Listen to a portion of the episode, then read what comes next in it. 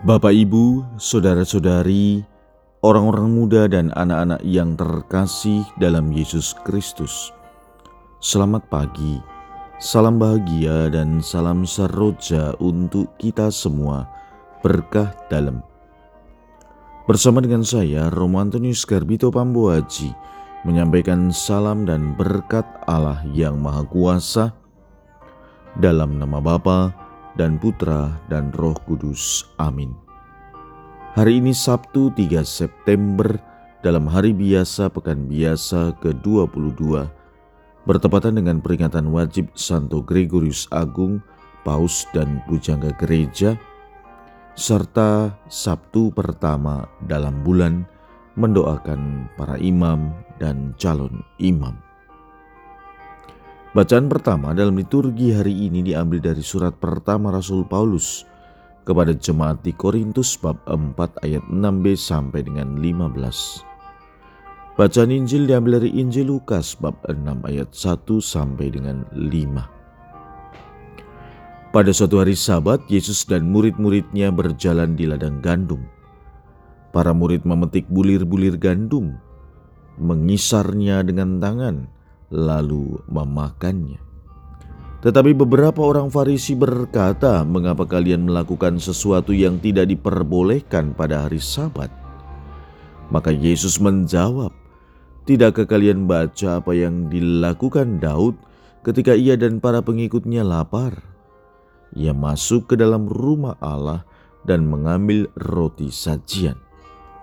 Roti itu dimakannya dan diberikannya kepada para pengikutnya." Padahal roti itu tidak boleh dimakan kecuali oleh para imam. Dan Yesus berkata lagi, Anak manusia adalah Tuhan atas hari Sabat. Demikianlah sabda Tuhan. Terpujilah Kristus. Yesus mengatakan, "Anak manusia adalah Tuhan atas hari Sabat." Sementara pandangan orang Farisi lain. Mereka mengatakan, "Mengapa kalian melakukan sesuatu yang tidak diperbolehkan pada hari Sabat?" Pertentangan mereka antara Yesus dan orang Farisi berkisar soal pandangan orang-orang Farisi yang memberikan penilaian bahwa Yesus salah dalam melakukan tindakan. Yesus dan para muridnya melakukan tindakan yang salah menurut mereka karena melakukan pekerjaan pada hari Sabat, yaitu memetik bulir gandum, mengisarnya dengan tangan, dan kemudian memakannya. Pandangan Yesus berbeda Yesus membandingkannya dengan apa yang dilakukan Daud ketika ia dan para pengikutnya lapar. Saudara-saudari yang terkasih, memang hari Sabat adalah hari yang paling suci dalam agama Yahudi. Sabat adalah tanda identitas Yahudi yang utama. Oleh sebab itu, kalau melanggar aturan hari Sabat, orang Yahudi harus mendapatkan ancaman hukuman mati. Saudara-saudari yang terkasih, apa yang diajarkan oleh Yesus mau juga mengajarkan kepada kita bahwa peraturan agama pada inti dan maksud Allah yang terdalam itu jauh lebih penting.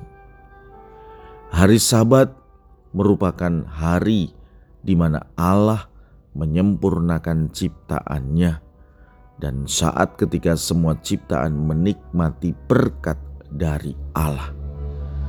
Nah, orang sakit, mereka yang menderita, mereka yang lapar dan lain sebagainya adalah orang-orang yang kurang beruntung yang belum dapat menikmati berkat Allah itu. Oleh karena itu, kehidupanlah yang harus diperjuangkan di atas segala aturan yang ada. Saudara-saudari yang terkasih, semoga kita bukan hanya taat pada hukum agama, kita bukan hanya taat pada aturan-aturan, tetapi jauh lebih penting memperjuangkan kehidupan dan keselamatan bagi sesama yang kurang beruntung, yang belum mendapatkan berkat dari Allah. Marilah kita berdoa. Allah Bapa yang Maha Rahim, dengan penuh belas kasih kau jaga umatmu dan kau bimbing dalam kasih sayangmu. Buatlah kami untuk senantiasa dapat melakukan segala aturan demi kehidupan dan keselamatan sesama. Berkat Allah yang Maha Kuasa, dalam nama Bapa dan Putra dan Roh Kudus. Amin.